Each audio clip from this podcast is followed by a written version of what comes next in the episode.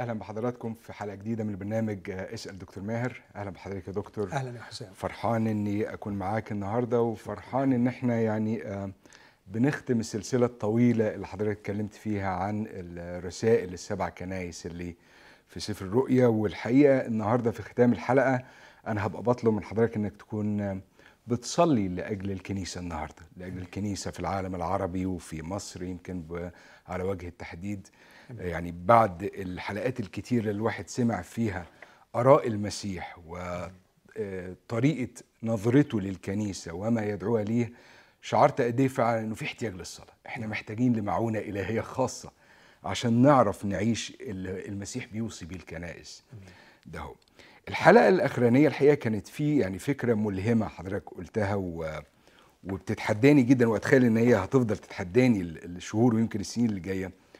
إنه من طبيعة الثقافة المعاصرة الكنيسة بتاخد وساعات بتتشكل وتتلون كمان.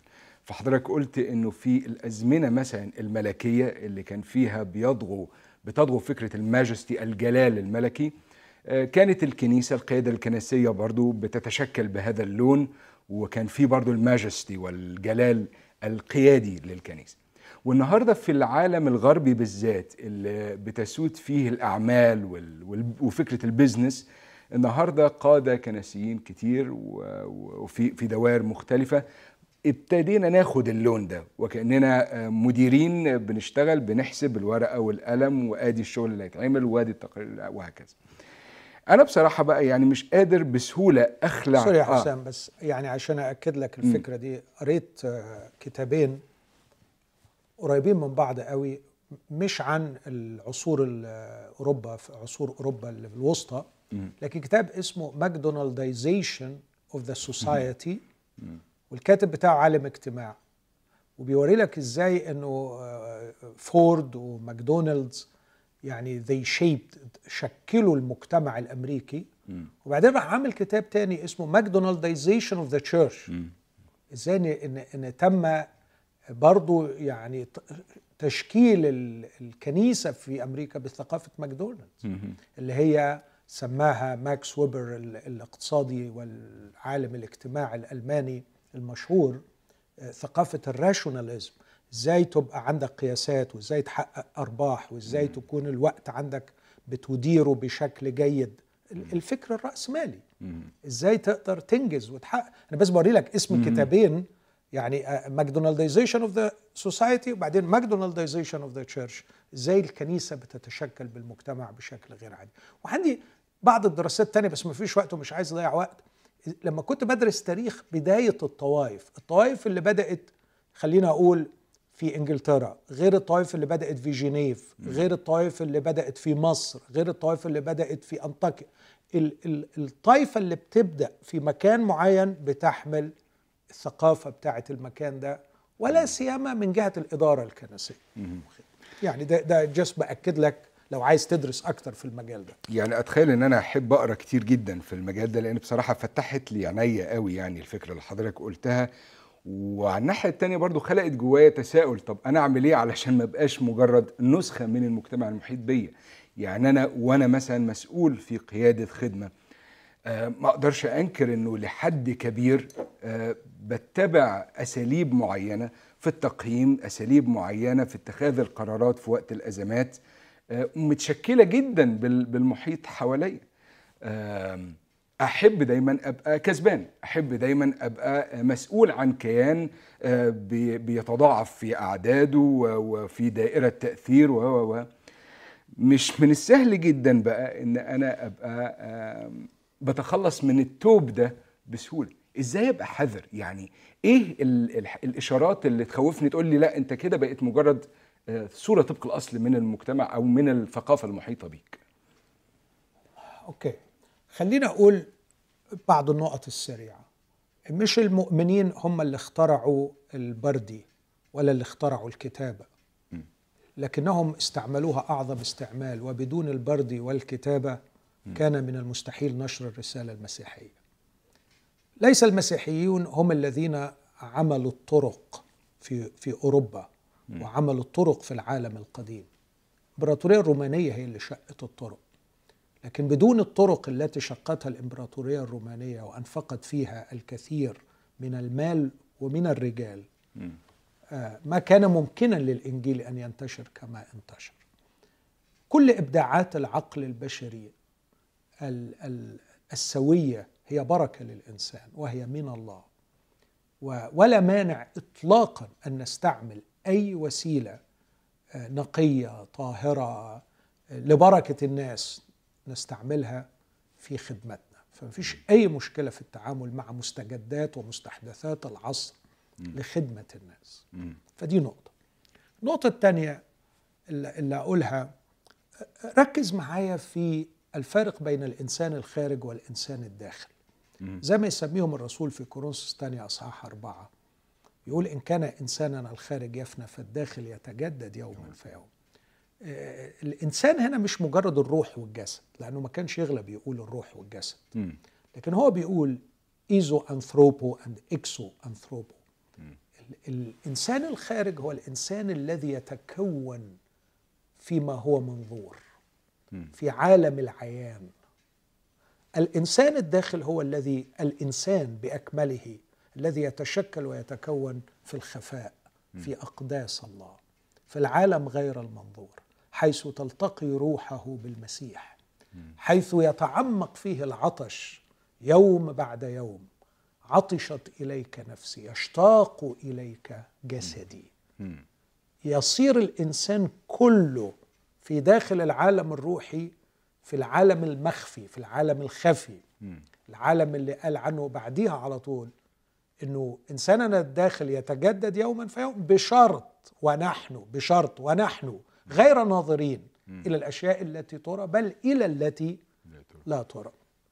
فإذا كنت تتشكل في العالم الذي لا يرى العالم الأبدي في ملكوت الله حيث الدخول إلى الأقداس بدم يسوع والمثول أمام الله طوال اليوم كل الوقت في حضرة الله. أنت تتشكل هناك. لا خوف عليك قط من استعمال أي مستجدات ومستحدثات لهذا العصر لأن الإنسان الداخل سيجيد استعمالها المأساة هي عندما يتصدى لخدمة الله هو الانسان الخارج الإنسان الذي تشكل في العالم المنظور. بمبادئ دينية. وبمورال كود إيماني. يعني يبقى بيعمل خدمة ربنا بس هو هو الإنسان الخارج هو الإنسان في الجسد هو الإنسان في آدم. بس بيعمل خدمة ربنا لكن أخلاقياته ومبادئه وعقيدته وتعاليمه كتابية سليمة وأخلاقيات مسيحية سليمة. بس هذا الإنسان الخارج حتما سيسحق بثقافة العصر. وثقافة العصر النهارده يا حسام بقى في مشكلة في كلمة ثقافة العصر. انت مش تلاقي يعني عايز أقول في الدولة الواحدة أكتر من ثقافة في البيت الواحد. يعني انت ممكن تبص في البيت الواحد تلاقي ثلاث اجيال كل جيل ينتمي إلى ثقافة غير التانية خالص. كمان ال- يعني ممكن تلاقي الاباء مصريين قوي قوي قوي وال- والابناء امريكان قوي قوي قوي. لا أكتر من كده. بسبب الأونلاين وعيشة الناس في العالم الافتراضي ولا سيما الشباب. أنا بشوف شباب مصري أكثر أمركة من الشباب الأمريكي. يعني أنا على مدار 30 سنة بخدم باستمرار في أمريكا وأقدر أقول عارف المجتمع عايش إزاي ودرست فيه وفاهم الناس. لا أنا بشوف شباب هنا يا حرام يعني مسحوق بالثقافة الأمريكية أكتر من الشباب في أمريكا لعدة أسباب. منهم مثلا تحليلي إنه الشاب الأمريكي بيعيش الثقافة الأمريكية في العالم الافتراضي وفي الواقع الحقيقي. فهو بيشوف المسلسلات بس بينزل الصبح يروح الشغل وبيدهس في المرور وبيروح في التعب والمعاناة فمتزن شوية. التاني اللي بتاع هنا الغلبان ما بيشوفش غير ال- ال- اللي على الشاشة. اللي على الشاشه فعنده نوع وهمي من الثقافة الأمريكية فهو متأمرك بزيادة بطريقة مرضية. ال- الحاجة التانية بقى التاني مش محتاج يزايد على أقرانه من جيله علشان يكون أمريكي لأنه هو أمريكي. لكن هنا تبص تلاقي الشاب المصري المتأمرك يزايد على الآخرين في أمركته علشان يوصل رسالة إن هو أمريكي بجد. فتبص تلاقي في منافسة وفي مزايدة وفي مبالغة. فالأونلاين لخبطت الدنيا. ففكرة إن إحنا إيه بقى نوع الثقافة اللي, إحنا فيه تلاقي كل الأشكال والألوان. مم. تلاقي ال conservative قوي وهي ثقافة هذا العالم. وتلاقي الليبرالي قوي وهي ثقافة هذا العالم. وتلاقي التقليدي قوي قوي وثقافة هذا العالم. وتلاقي التقدمي قوي قوي وهي ثقافة هذا العالم. فأنت في داخل التشكل بثقافة هذا العالم هتلاقي كل الألوان والأشكال. وكل واحد على فكرة بيقول أنا اللي ثقافتي صح وأنا اللي كتابي. الحل والحماية هو زي ما بقول هو أنت قد إيه بتعيش في الداخل؟ مم. هل أنت إنسان الخارج أم إنسان الداخل؟ هل تمثل أمام الله وتعيش أمام الله فعلا؟ وهل ترى الأمور برؤية الله؟ يعني دي دي حاجة كل واحد يحكم فيها في نفسه بقى ما أقدرش أنا أحكم لك فيها لكن طبعا بيبان من ثمارهم تعرفونهم الثمر بيبين. إزاي أنت تحكم على نفسك؟ اسأل نفسك السؤالين دول. أنا عايش قد إيه في الخفاء. قدام ربنا؟ عندما نتوارى أحدنا عن الآخر وعندما يغيب أحدنا عن الآخر في حجرة النوم وفي ال living room كيف أعيش أمام الله؟ والحاجة الثانية الثمر. إيه الثمر بتاعك على الناس من بره؟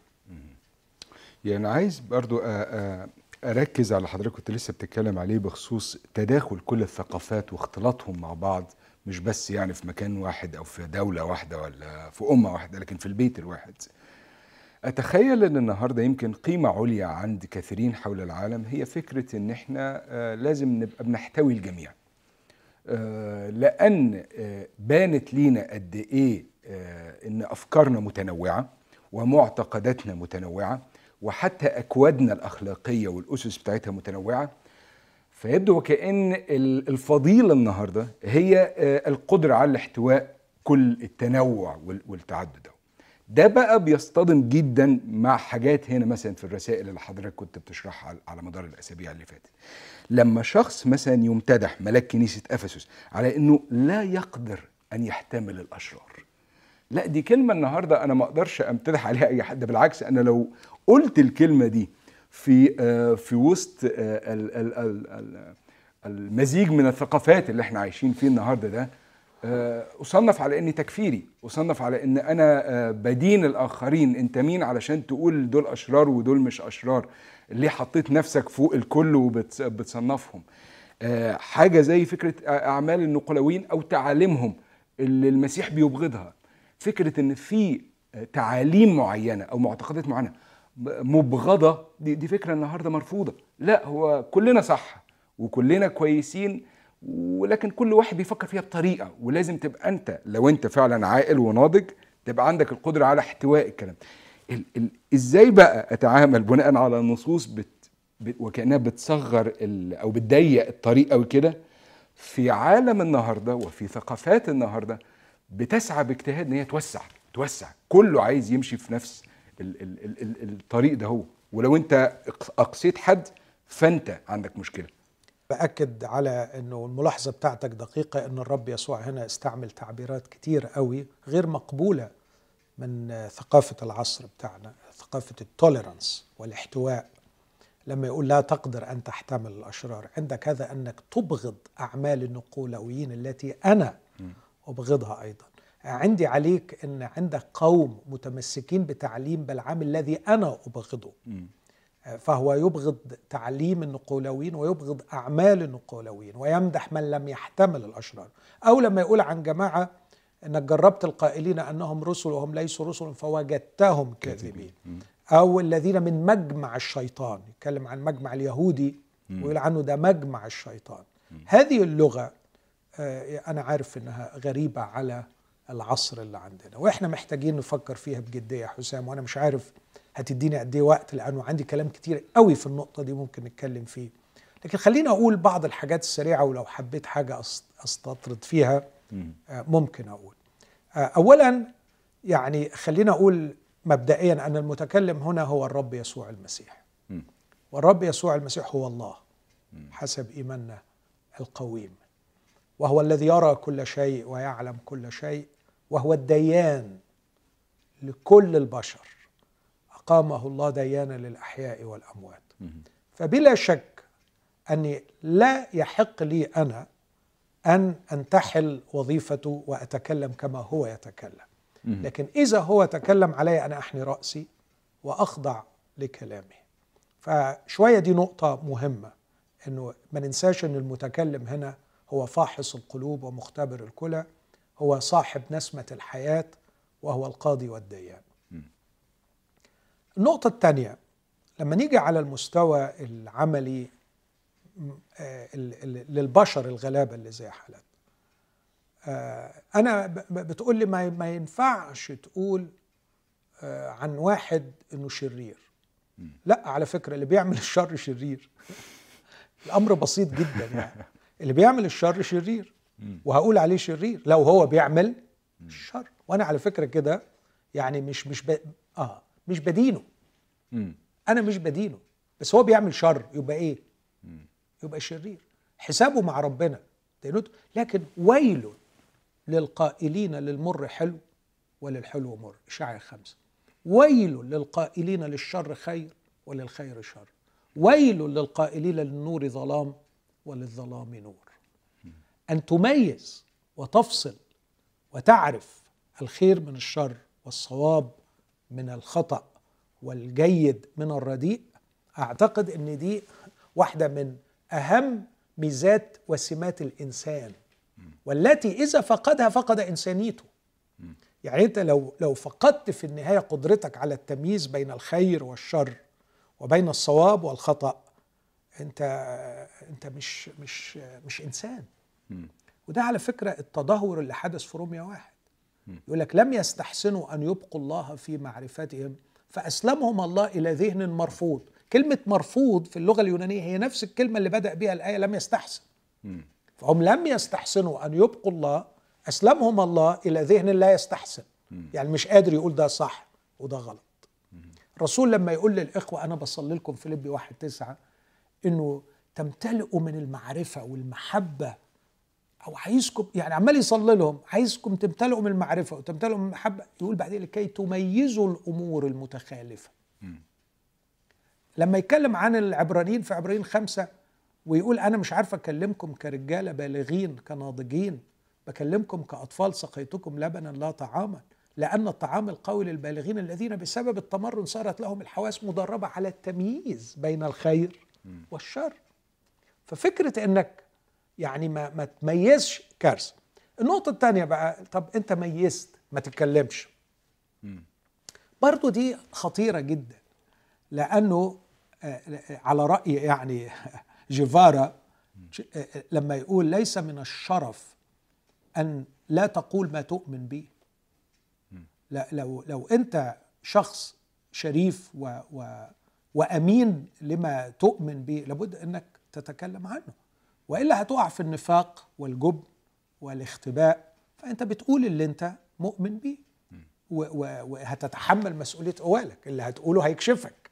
يا إما يكشف إنك شخص حاقد شرير مريض نفسي يا إما هيكشف إنك بتقول فكر ربنا. فأنت اللي هتتحمل. بكلامك تتبرر وبكلامك تدان. ففكرة إن إحنا ما نميزش أو نميز وما نقولش ده كلام خطير شوية. بس يعني آسف لو اقطعك يا دكتور بس أتفضل. فكرة إن إحنا نميز وفكرة إنه الموضوع ببساطة إنه اللي بيعمل الشر شرير بقت النهارده عليها آه لا علامات استفهام ليه لأنه آه يعني اللي, بي... اللي بيعمل الشر ما يبقاش شرير يا حسام آه بيبقى مريض أكتر ما هو شرير آه okay. يعني بيبقى دايما بيطالب إنه آه لا لما هتسمع قصته لما هتعرف هو عدى في إيه هتلاقي نفسك متعاطف معاه أكتر ما أنت مصنفه على إنه شرير ولا يجب أن تحتمله يعني. ودي ودي بصراحة فعلا حتة محيرة جدا لأنه ممكن يكون في وسط فعلا رعية الرب شخص بيمارس الشر. أكيد في قصته ما يدفعه لفعل هذا على مستوى ما. ولكن أنا مثلا كمسؤول كراعي في وسط هذه الرعية هل المفروض فعلا أتعامل بالحسم وال وال وال والصرامة مع هذا الشخص لأنه ممكن يزداد في شروره ويؤذي كثيرين ولا المفروض أبقى متعاطف معه على إنه ضحية لحد ما مريض بكيفية ما. فده اللبس اللي النهارده حاصل. خليني أقول لك اقتباسين من من أكبر علماء النفس. مارلو وده واحد من أكبر علماء النفس في التاريخ الحديث يعني قال لما كفينا أن نتكلم عن مفهوم الخطية قطعنا البشر من جذورهم. وكان رؤيته إنها كارثة وجريمة كبيرة. طبعا في ناس بتعترض عليه لكن الخطية الإنسان طبقا للتعليم المسيحي وهذا هو الواقع شرير. الإنسان خاطئ. الكتاب المقدس بيقول الجميع زاغوا وفسدوا معا ليس من يعمل صلاحا ليس ولا واحد. ففي شر. جوردن بيترسون واحد من من أشهر وأجمل علماء النفس في العالم حاليا أستاذ في جامعة تورونتو. بيقول لك الأطباء النفسيين أو المعالجين النفسيين ارتكبوا أكبر جريمة في حق الناس لما اعتبروا إن شغلتهم يخلوا ال client to feel good إنه يشعر إنه كل شيء على ما يرام. ليس أن يجتهد لكي يكون ما ينبغي أن يكونه يعني مش يقبل نفسه على ما يكونه لكن أن يكون ما ينبغي أن يكون ف ده ده ده ده مجرد بوري لك بس النظره حتى من بره يعني. لكن خلينا أقول تاني الكتاب المقدس الذي علمني عن شر نفسي وأراني طبيعتي الفاسدة بدون الله هو الكتاب الذي علمني عن قيمتي العظمى في عيني الله التي لم تفقد بسبب الخطية. وهنا بقى الخط اللاهوتي اللي في غاية الأهمية إن إحنا نميز ونحطه قدامنا علشان نبقى فاهمين كويس قوي. الشرير مهما كان شره ومهما كانت خطيته خطيته لم تفقد قيمته في عيني الله كإنسان مخلوق على صورة الله. ال human dignity لا تضيع. لأنه كرامته مرتبطة بإنسانيته وإنسانيته هي على صورة الله. كنت في أحد البرامج التلفزيونية مرة وبقول أنه كرامة الإنسان مش بس علينا أن نراها ونقدرها في في في في المعاق والذي واللي عنده ديمنشيا واللي عنده ألزهايمر لكن حتى في الإرهابي. ينبغي أن نظل نحتفظ له بكرامته الإنسانية لأنه إنسان في النهاية فكان في اعتراض شديد. إزاي؟ ده الإرهابي ده زي وحش زي حيوان. صح الأعمال اللي بيعملها أعمال وحشية. وعلينا أن نساعده في أن تعود إليه إنسانيته. وأحيانا بتكون الوسيلة الوحيدة لإعادة انسانيته إليه أو مساعدته هو العقاب. وعشان كده الرب هنا في في في هذه الأصحاحات كان بيتكلم بحسم وفي نفس الوقت يفتح دايما فرصة التوبة. اتيك وأزحزح منارتك فتب ألقيها في فراش. هي والذين يزنون معه وفي ضيقة عظيمة. إذا لم تتب إن لم يتوبوا. فهناك دائما فرصة لمراجعة النفس. طب إزاي أراجع نفسي لو كله بيطبطب عليا وكل واحد ما بيرضاش يقول لي إن أنا شرير ومحدش بيقول لي إن أنا بعمل حاجة وحشة؟ هستمر في اللي أنا فيه. فعدم الكلام هنا الحقيقة عدم محبة. عدم الكلام عن الحقيقة عدم محبة. أنا لو بحبه لازم أقول. طبعا الأسهل إني أريح نفسي. طبعا يعني مش عايز بقى أدخل في تفاصيل كتيرة وتفرعات. لكن خلينا أقول إنه من الممكن بعض الأشخاص اللي عندهم مشاكل نفسية ومشاكل أخلاقية يمسكوا في فكر زي كده ويبدأوا ينصبوا من أنفسهم قضاة وديانين ويشتموا في كل خلق الله. م. بس ده بيبقى باين انه إنه شخص شتام مثلا أو م. شخص مش مش سوي. بس مش عن هذا أتكلم. لكن أنا لو بحب حسام محبة حقيقية ولقيت حسام أو لو حسام بيحب ماهر محبة حقيقية ولقي ماهر بيغلط بيعمل شر حسام دي تبقى جريمة لو سبتني. فين المحبة؟ انت لازم تنبهني. ولازم تحميني. حاجة كمان بقى لو أنا ما قلتش على الشرير اللي بيعمل شر إنه شرير أنا بأجرم في حق الناس اللي هيتأذوا من شره. وعشان كده كانت لغة الرب يسوع. بص الكلمة أنها تعلم وتغوي عبيدي أن يزنوا. فهي بتأذي الغاليين عليا. وأنت يا ملاك الكنيسة واقف وساكت ما ينفعش. فتلاحظ إن لغة الرب إنه حريص مش بس على سلامة اللي بيخطئ لكن على سلامة الأشخاص اللي هيتأثروا بخطأ هذا الشخص.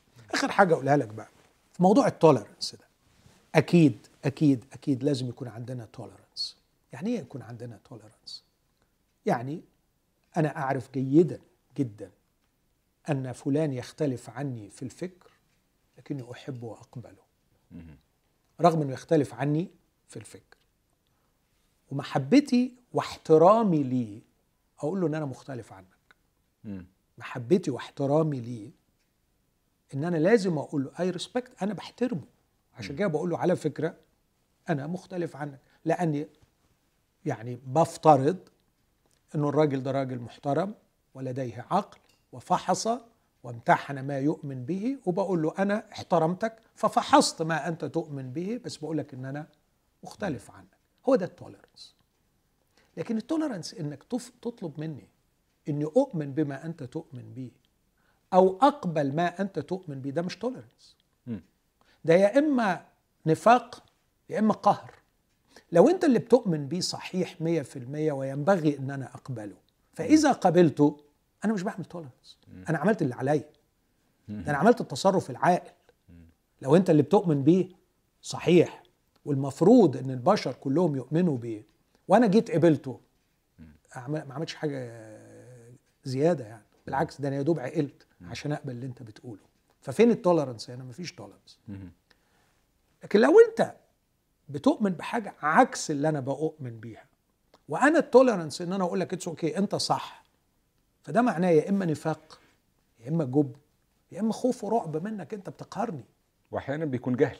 هنجح يعني أنا مش فاهم أساسا أنت مؤمن بإيه فأنا باصص على السطح كده لقيت إن في حاجتين مشتركتين يبقى إحنا كده تمام يبقى إحنا زي بعض. بالظبط. أو مؤمنين بنفس الشيء.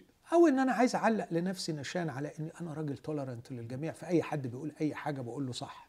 مم. ده عدم احترام للشخص اللي قدامك. مم. وبعدين الفكرة الثانية بقى بتاعت إيه؟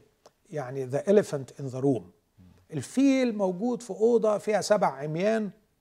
واحد أعمى مسك الديل وقال أنا ماسك تعبان وواحد مسك الزلومة قال أنا ماسك آه، مش عارف خرطوم مية. وواحد مسك رجله قال أنا ماسك شجرة. وواحد مسك آه، جنبه قال أنا واقف على حيطة. وكل واحد عمال لكن في الآخر هو كله فيل واحد. اللي عمل المثل ده بصراحة يعني آه، مش كويس. ليه؟ لأنه افترض إن هو الوحيد المفتح في الأوضة. صحيح. وكل بقية الناس هو الوحيد اللي عميان عارف إنه فيل. وهو الوحيد اللي عرف إنه فيل. وأنا الوحيد اللي اكتشفت إن كل الأفكار صحيحة وكل الديانات مظبوطة وكله زي بعضه بس أنتوا كل واحد ماسك في حتة. فأنتوا كلكم عميان وأنا الوحيد اللي مفتح. ده كبرياء. ده على فكرة حضرتك زيك زينا وكلنا غلابة وكلنا بنبحث عن الحقيقة. الأمر الثاني أتذكر نيكولاس كريستوف وده صحفي واخد جايزة البوليتزر صحفي مشهور قوي يعني. قال في مرة وهو بيسخر من مسألة ال tolerance إن إحنا عمالين نكافح ونحارب علشان نبقى inclusive يعني بنحتوي. آه، وقال كده آه، آه، people who don't look like us. so long as they think like us. يعني إحنا عمالين نكافح إن إحنا أو بن بنقول إن لازم نقبل الناس المخت... المختلفين عنا. شكلهم غير شكلنا. شكلهم غير شكلنا المختلفين عنا. بس بشرط إنهم يكونوا بيفكروا زينا. إحنا بنضحك على روحنا. وده فعلا اللي حاصل. يعني تبص تلاقي ال tolerance tolerance tolerance لكن دي هم very intolerant. للي بيختلف عنهم. صحيح. يعني أقول لك برضو حاجتين تانيين. سنة 2016 قاموس اوكسفورد حط تعبير مرعب. سماه post-truth. era نحن في عصر ما بعد الحق. ما بعد الحق. وكانوا يقصدوا إيه بالتعبير ده لو تروح تشوفه؟ يقصدوا إنه النهارده في ظروف معينة لا تهمنا الحقائق الموضوعية. يهمنا ما يتلامس مع مشاعر الناس ومع ما يتفق مع عقائدهم ويخدم مصالحهم. هناكل إيه من ولا هنستفيد إيه من الصح والغلط؟ إحنا يهمنا مشاعر الناس. ولك أن تتخيل كارثية هذا الطرح. بوست تروث عصر ما بعد الحق. مش مهم الحق. المهم إنه الناس تطلع مبسوطة. المهم إن الناس يكون بيتجاوب ما تطرحه مع مشاعر الناس ومعتقدات الناس بحيث إنك ما تزعلش حد. حاجة تاني برضو. 2017 طلعت حركة ميتو لو تفتكر. و... وفي ميتو اللي هو النساء الذين تعرضوا للتحرش. وطلعوا بعد كده وكشفوا الحقائق وطلعوا كل واحدة. وده طبعا أنا من وجهة نظري كانت حركة عظيمة لعلاج ناس مسحوقة وناس ستات اتدمروا. وأتمنى إنه ده يحصل في مجتمعنا وإن النساء تتكلم. بس خد بالك إنه طلعت حاجة مثلا ساعتها آه، أوبرا وينفري كانت عاملة هي بت كانت بت بتتكلم في احتفال كبير فبتقول لهم بتوجه لهم رسالة بتمدحهم وبتقول لها الشيء الذي أعلمه علم اليقين أنك عندما تتكلمين بالحق الخاص بك your truth فهو أقوى وسيلة نحمي بها أنفسنا. أقوى وسيلة your truth كلمة مرعبة تعلق عليها ريبيكا آه، ماكلولوف اللي هي واحدة مفكرة مسيحية تقول your truth ولا the truth هل هو ال- الحق الخاص بك ولا هو الحق؟ طب افرض الحق الخاص بك خاطئ. على فكرة هو ف- فكل المفاهيم دي محدش بيقف قدامها كتير ومحدش بيفكر فيها كتير والشباب بيجري ورا tolerance tolerance tolerance لكن الحقيقة أنا شايف إنه في السبع رسائل دول الرب يسوع بيوقفنا. وأنا يعني عارف إنه الكلام هنا تقيل. بس الكلام مش تقيل على اللي خضعوا ليسوع الملك. لو أنت شايف يسوع آه، هو الملك ودخلك لملكوت الله وهو السيد والرب عليك الكلام ده هيبقى ميوزك في ودانك. وهتستجيب له بكل فرح وهتركع وتقول ربي وإلهي وتقول له ساعدني أعيش الكلام اللي أنت بتقول لكن لو أنت شايف الرب يسوع هو القزمة القوة العظمى اللي تعيشك مرتاح في العالم ده وتخلق لك عالم أفضل فلا طبعا الكلام ده مش هيخليك مبسوط في العالم ده. شكرا جدا يا دكتور. يعني أعتقد ال ال ال ال ال ال اللي المسيح بيقدمه في الرسائل واللي حضرتك بتقدمه آه، يعني محتاج يستوقفنا فعلا في الطريقة اللي إحنا بنتعامل بيها مع الشرور المحيطة بنا والشرور اللي إحنا شخصيا بنرتكبها.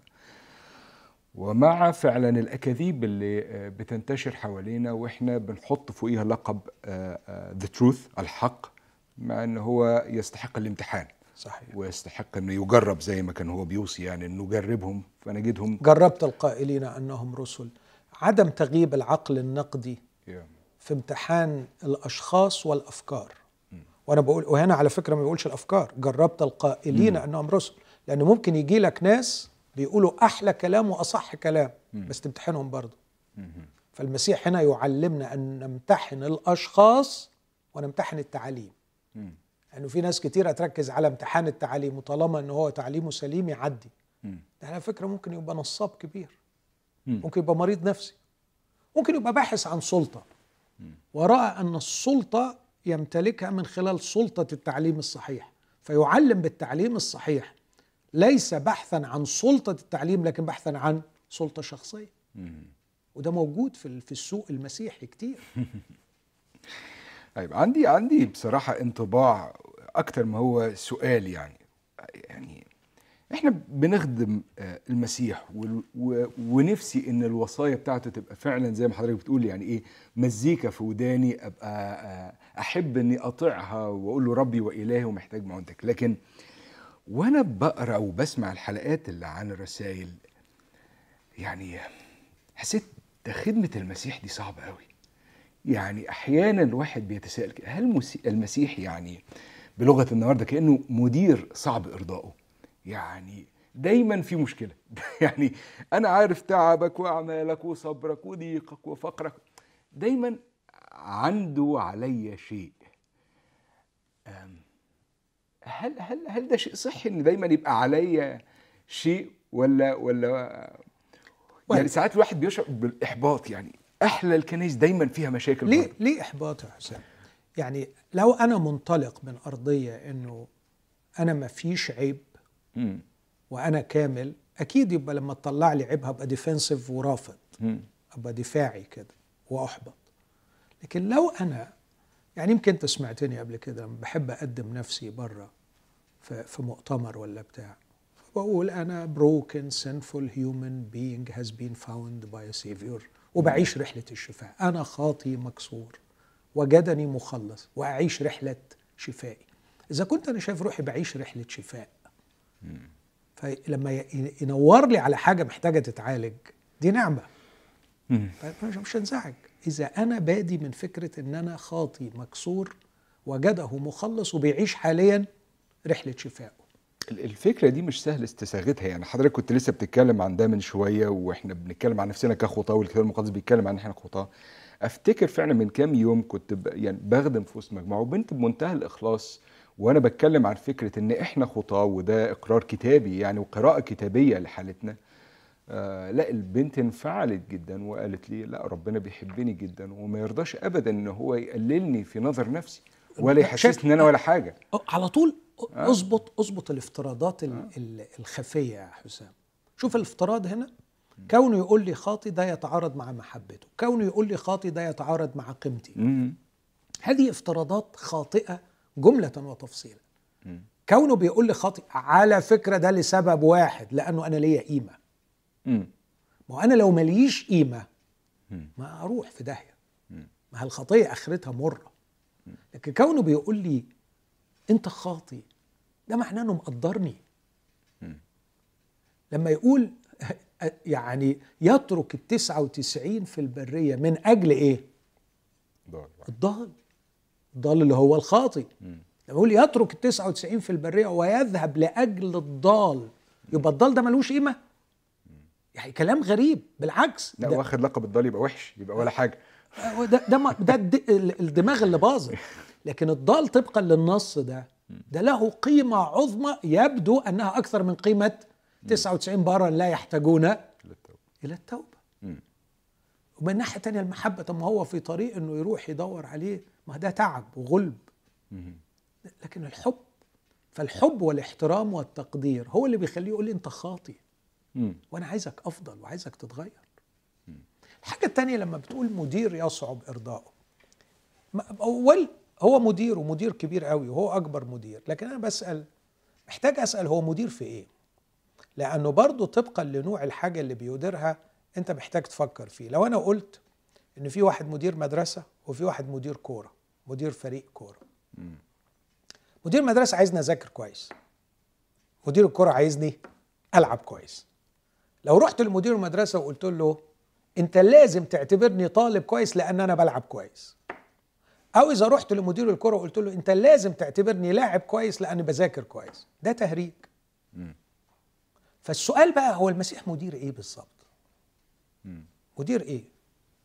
مسيح مدير مشروع الله لاسترجاع إنسانية الإنسان. ملكوت الله. ملكوت الله ده هو البيئة الوحيدة الصالحة لاسترجاع إنسانية الإنسان. فلو أنت داخل من البداية في مشروع استرجاع إنسانيتك لكي تكون إنسان كما يريدك الله شبه يسوع. ده مشروع ضخم جدا ويحتاج تدريبات ويحتاج التزامات ويحتاج مذاكرة ويحتاج خلي بالك من دي وما تعملش دي واعمل دي. فلو أنت من البداية بادي صح مع المسيح. الكلام ده music الكلام ده مزيكا. لكن لو أنت يعني داخل ماتش داخل تلعب آه طبعا الكلام ده تقيل ودمه تقيل. إيه المقابل؟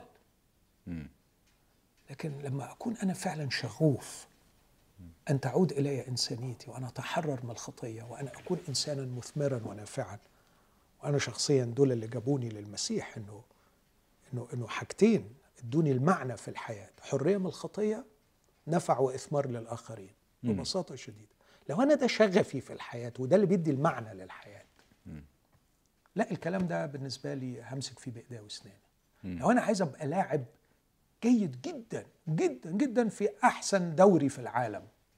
أنا محتاج مدرب شديد يجريني ويصحيني بدري ويظبط لي أكلي ويضغط عليا. بس أنا بعمل كده بمزاجي وفرحان. لأنه يت- يتفق مع الغرض الذي أعيش لأجله. لكن لو أنا في كنيسة عايز أتهنى وأتستت ويجي يعملوا لي مساج ويريحوني وي- ويعزوني ويفرحوني ويدوني خدمة و و الكلام ده لا كلام سخيف. مش مقبول. معاك حق يا دكتور. طيب إحنا للأسف ما عندناش وقت طويل قوي يمكن آه قرابة يمكن التلت ساعة أو أقل. آم، وبصراحة أنا يعني ميال إن إحنا نختم الوقت ده وحضرتك بتشاركنا ب إيه هي انطباعاتك العامة أو رغباتك للكنيسة اللي عايشة النهاردة في العالم العربي؟ بناء على اللي إحنا قريناه واللي حضرتك قدمته بطول السبع رسائل آه، اللي في سفر الرؤيا. إيه اللي ممكن يكون فعلا بيعبر عن آه، توصيات الرب لينا أو مطالباته لينا؟ يعني النهارده قريت تاني السبع رسائل دول. وقلت يعني ممكن ممكن طبعا بدون ما يكون ده اختزال آه، مخل بالنصوص. لكن من الممكن الخروج بخلاصة إيه الأشياء الأساسية اللي مدحها الرب؟ وإيه الأشياء الأساسية اللي عاتب فيها ولام وادان أعتقد إن الأشياء الأساسية اللي مدحها الرب هو ثقافة العمل لا ثقافة الكلام. والأمر الثاني عايز أقول ثقافة المحبة والشركة لا ثقافة الوظيفة والمؤسسة. والحاجة الثالثة ثقافة الالتزام وليس ثقافة التسيب. دول الثلاث حاجات اللي ممكن لو عدينا على رسالة رسالة من السبعة تلاقي ده خط ماشي أو الثلاث خطوط دول ماشيين كمنهج الرب يمدح بيه الكنائس. فمثلا تلاقي كلمات كده أنا عارف أعمالك تعبك صبرك تعبت احتملت لم تكل عملت خدمتك دي الكلمات اللي الرب بيستعملها. فناس بتعمل ناس بتشتغل يا حسام.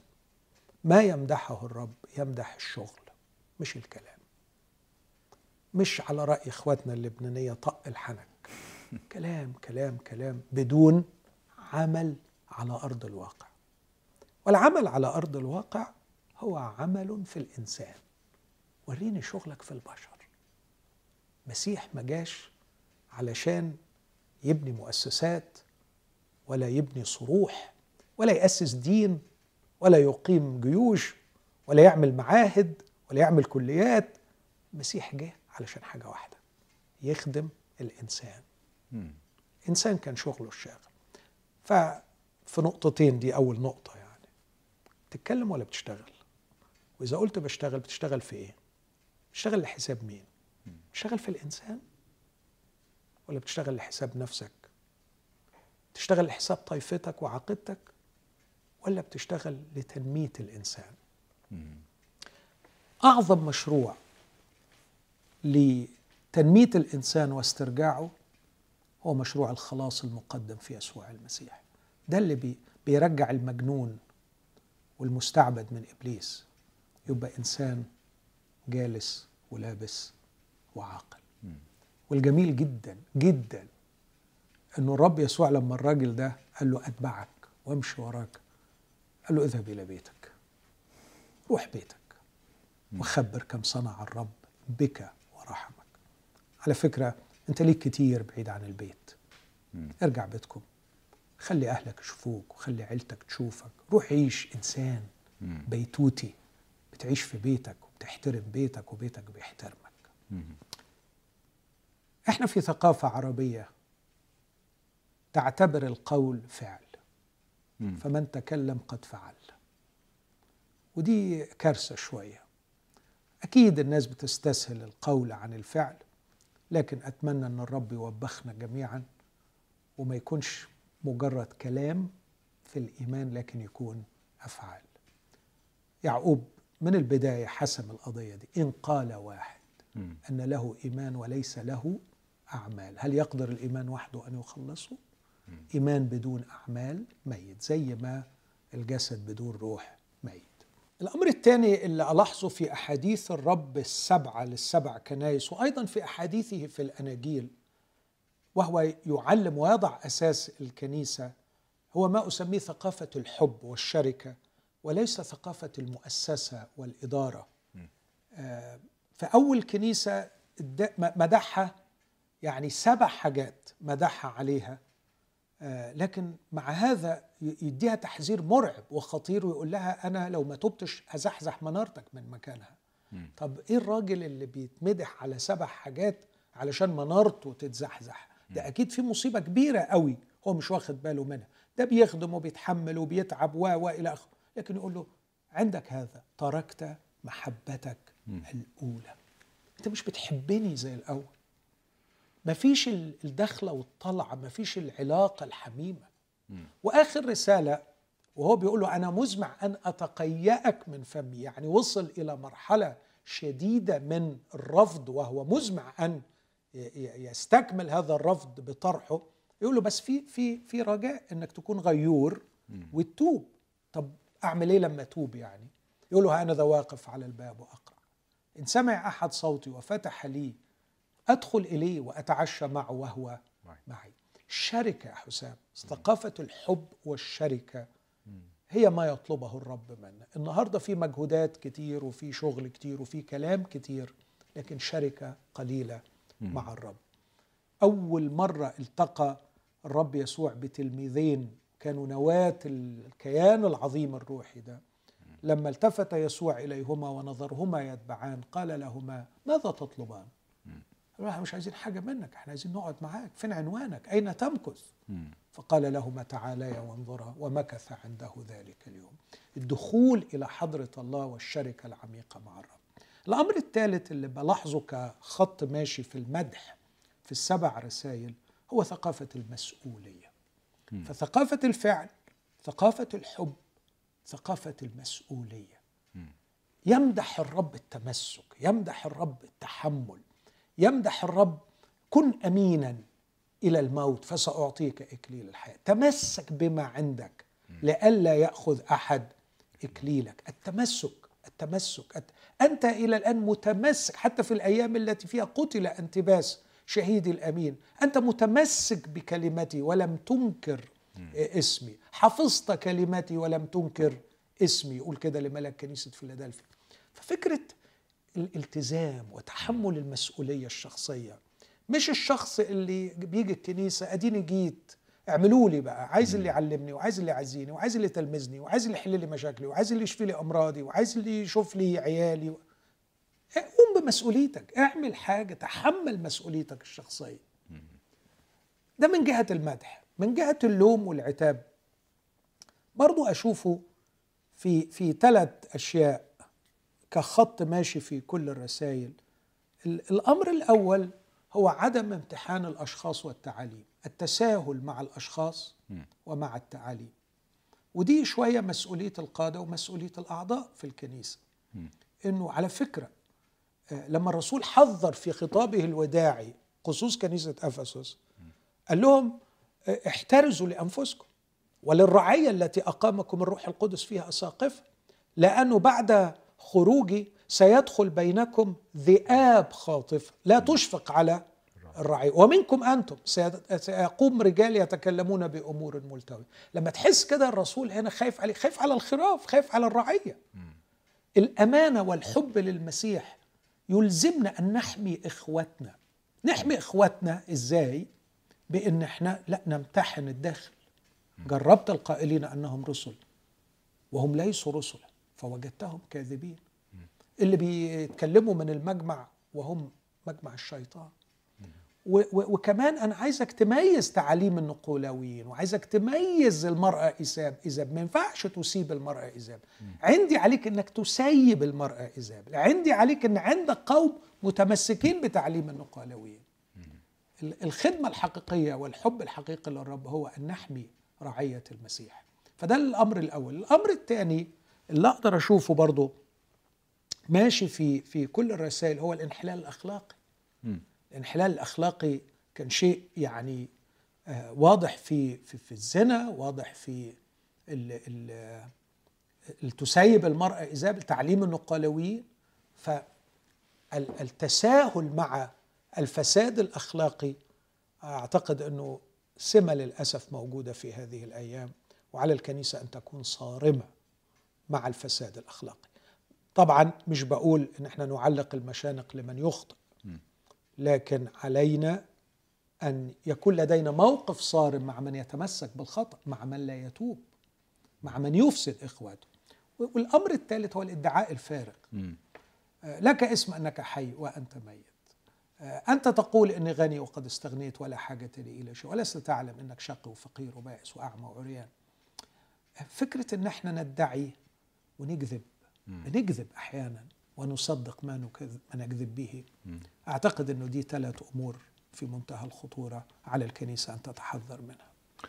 شكرا جدا يا دكتور الشاعر بمدى احتياجنا لمعونة إلهية. أمين. وهطلب منك بصراحة في الختام إنك تصلي لأجل الكنيسة النهارده. إحنا محتاجين ليد الرب معانا عشان نعرف نعيش بحسب توصياته لينا آمين. يا رب الحبيب يسوع آتي إليك مع كل اخوتي وأخواتي الذين يحبونك في عدم فساد والذين معي يشعرون بعارنا وخزينا وخجلنا لأننا لم نكن ولم نعش يا رب كما تريد أن تمنى. لم نتمم رسالتك ونفعل مشيئتك كما كنت أنت هنا على الأرض. في كل حين تفعل ما يرضي الآب وفي كل حين تحب وتعمل ما يوصيك أن تعمله نأتي إليك يا رب شاكرينك لأنك أعطيتنا فرصة جديدة في الحياة لكي نتوب. أرجو أن تغفر لنا خطايانا وأن تقبل توبتنا وأن تعيدنا إليك تردنا إليك فنرتد. تسترجعنا فنرجع. ترجع أنت وتنير بوجهك علينا وترحمنا. نقول لك ألا تعود أنت فتحيينا؟ اغفر لنا تراخينا. اغفر لنا عدم محبتنا لك. من قلب طاهر وعدم محبتنا لإخوتنا. اغفر لنا استغلالنا لكنيستك. في أن نحقق مصالحنا وأن نبني ملكوتاتنا. ولا ننشغل بملكوتك وبعملك.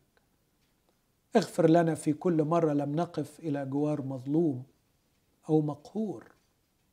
اغفر لنا في كل مرة تجاهلنا صرخات المحتاجين والمظلومين. اغفر لنا من فضلك يا رب. وأعنا أعنا لكي نعود إليك لنكون بحق تلاميذك.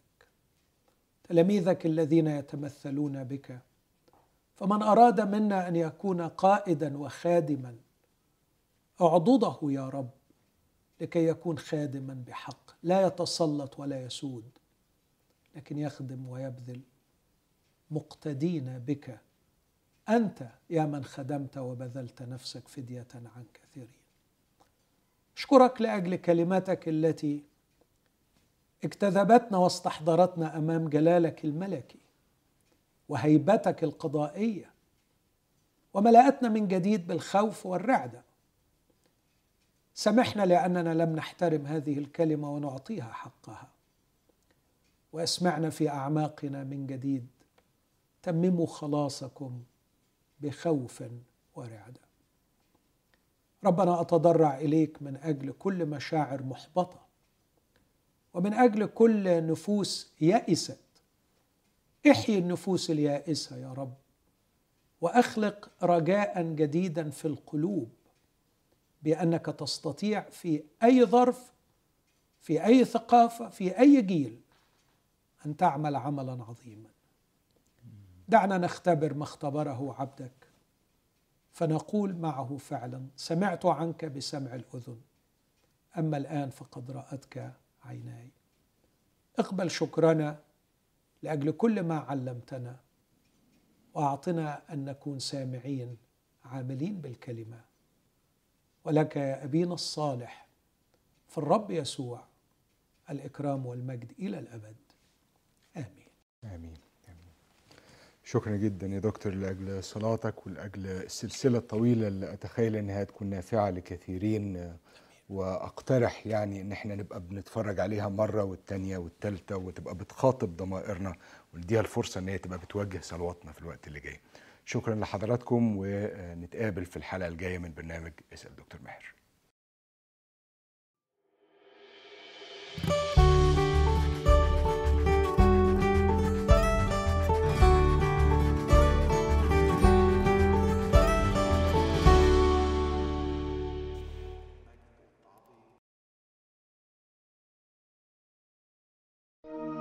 لمشاهدة المزيد من الحلقات زوروا سات 7 بلاس.